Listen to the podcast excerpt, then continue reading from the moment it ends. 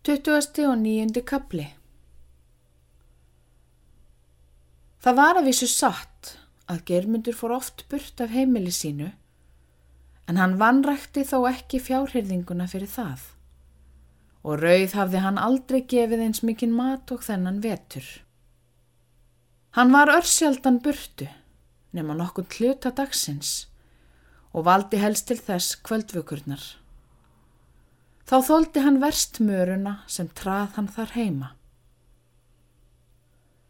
Besta fróin var þá að söðla rauð og láta hann þjóta með sig eftir grundunum, hjarninu og ísunum. Reyna við vask sem vanalega tók til að gelta þegar germundur miðaði til kapplöpsins. Vonaði stundum eftir þeim atburði að rauður ditti og dræpi þá alla þrjá með fallinu en satt þó fastur og örugur við tömstjórnina og beitti hestinum sem kenlegast yfir allar torfærur. Eða að hlaupa á skautum og reyna sig við vask. Ganga svo hart að blóðbrað kemi í munnin. Þreita sig á hlaupunum. Æfa sig svo vel að enginn dalbúana þyrti að reyna þá íþrótt við hann framar. Þeim skildi ekki ganga svo auðvelt að hælast um að sigra hann. Korki þeirri íþrótt niður annari. Að minnstakosti verða sigurinn harð keftur. Og nú neyðist hann fyrir alvöru að víninu. Bakkus bandaði vínvíðarstafnum og töfraði hann til sín. Sigti með algleimi og deyfing meinana.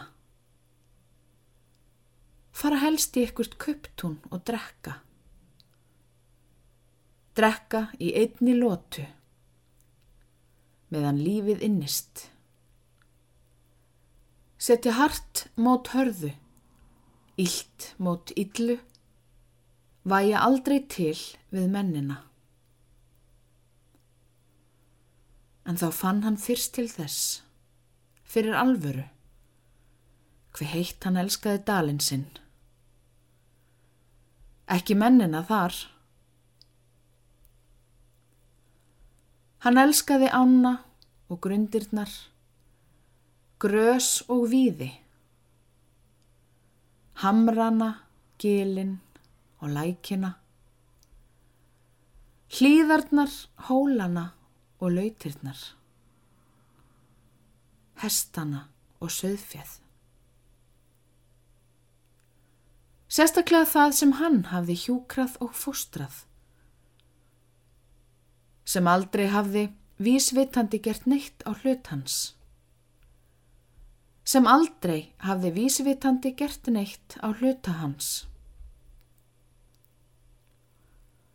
Að fleia því frá sér til hinna og þessara kvalaranna eða brytja það niður sjálfur. Það var ótrúlega erfitt. Hugurinn var á kvörfum. Ætlanirnar tvíbendar.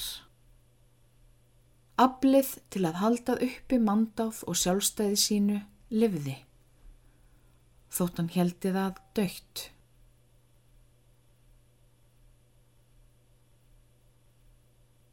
Hann elskaði gjörvallan dalinn.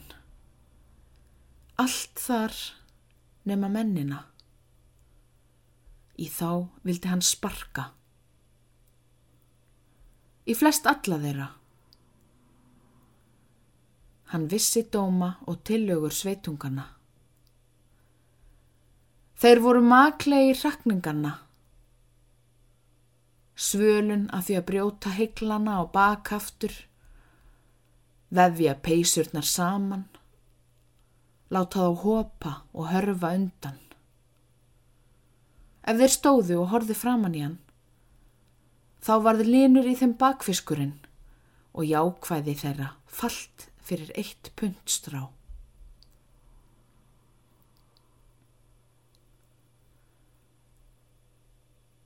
Gremjan og sorgin. Syndin sem þau steiftu yfir sig án þess að vita af því. Hún var beisk. Fyrir bölvað mannfélagsvillu og kúaðan hugsunarhátt. Fyrir heimskulegan óta og hræstni var hann hryggur og reyður. Reyður fyrir þau bæði og þó miklu sárbeittari fyrir hennar hönd. Hún myndi aldrei lifa glaðan dag framar. Sem óavitandi brot hafði lagt með tví eggjuðu sverði til hjartans.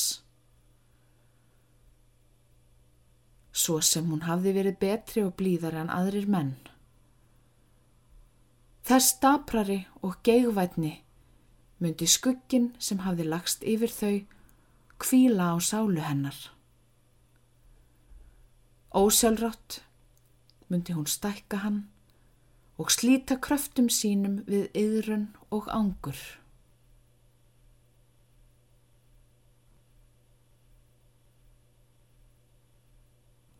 Trúin á sér að Jóstein var fallin í kalda kól. Trúin á prestana fjall með honum. Hann las mannkinsöguna og leitaði og rannsakaði.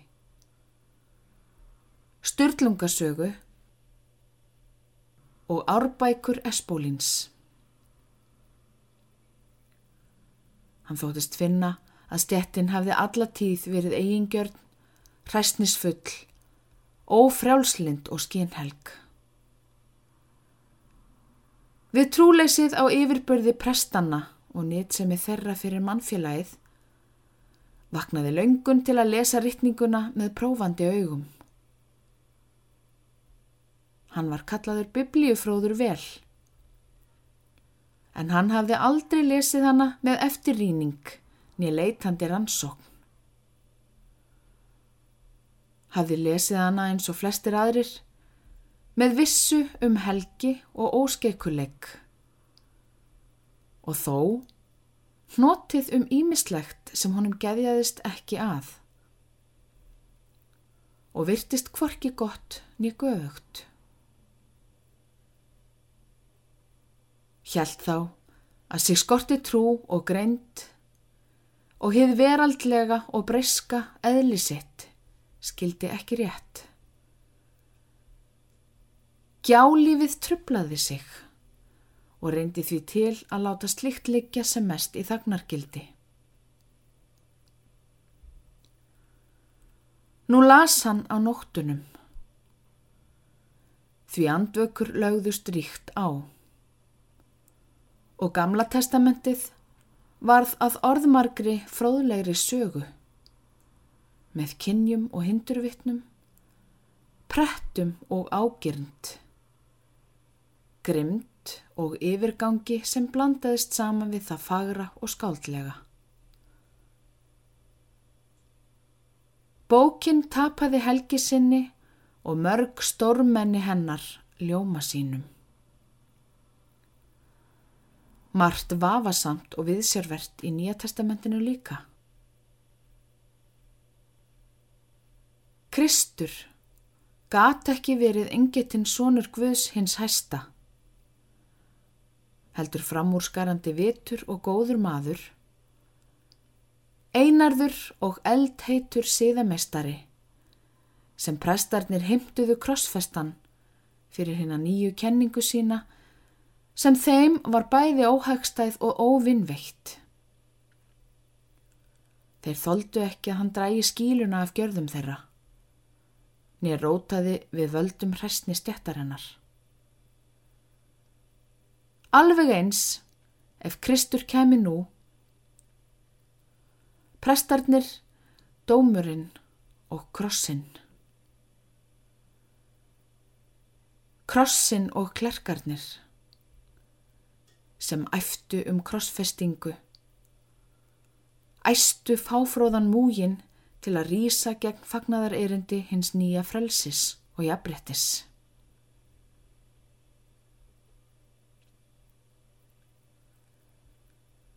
Germundur var fálátur þann vetur ofanverðan og trúmálum reyfði hann ekki við nokkurn mann, heldur bjó vandlega yfir þeim sjálfur. Hatrið til prestanna komst betur við veðri. Ef hann var ölvaður, fekk stjettin harða dóma. Beitta hæðni og kvassa árás frá hans hálfu. Hann nefndi aldrei sér að Jóstein á nafn. Nýja dæmdi hann sérstaklega fyrir starfsitt. En dreirraðnaði ætið ef hans var getið.